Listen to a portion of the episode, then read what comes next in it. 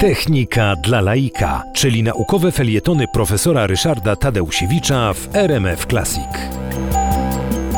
Dzisiaj chcę y, opowiedzieć o tym, że statki kosmiczne, satelity, które przestały być użytkowane, mają spocząć na dnie oceanu. Y, To był spory problem, dlatego że y, kolejne państwa wysyłały coraz to liczniejsze satelity, głównie Rosja i Stany Zjednoczone.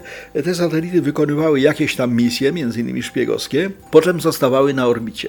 No, niektóre z nich po pewnym czasie, na skutek tego, że ruch satelity na orbicie jednak podlega pewnemu drobnemu hamowaniu, spadały na Ziemię i spadały w różnych przypadkowych miejscach. Dopóki spadały niewielkie satelity, to one wchodząc do atmosfery spalały się w całości. Ale tam nad naszymi głowami krążą też duże obiekty. I na przykład w 1979 roku spadł na terenie Australii e, no, amerykański e, statek kosmiczny, a właściwie stacja kosmiczna Skylab.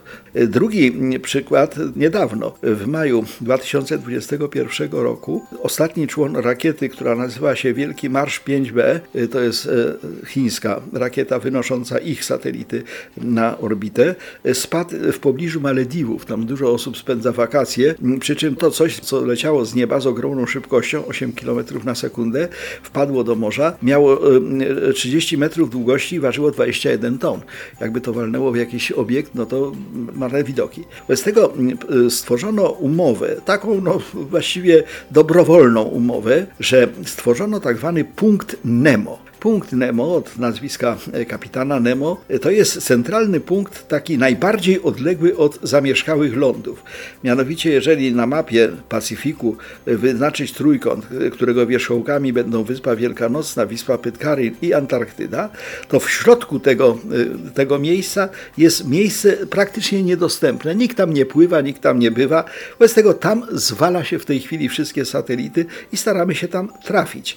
I okazuje się, że tam na głębokości 3 km, w odległości 3000 km od najbliższego lądu, jest już w tej chwili kilka tysięcy różnych obiektów e, kosmicznych. Taki powiedzmy szrot e, kosmiczny się nam utworzył.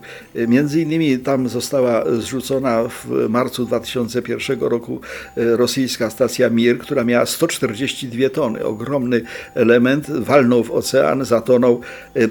Stacja chińska Tiangong, Tiangong to znaczy niebieski pałac, została w 2016 roku zrzucona do oceanu. Prawdopodobnie w tym miejscu zakończy też swoje życie Międzynarodowa Stacja Kosmiczna, o której teraz ciągle słyszymy, no, w 2028 roku. Ale na orbicie pozostaje ciągle 4,5 tysiąca aktywnych satelitów i ponad 12 tysięcy nieaktywnych. Czy one wszystkie trafią tam na dno oceanu?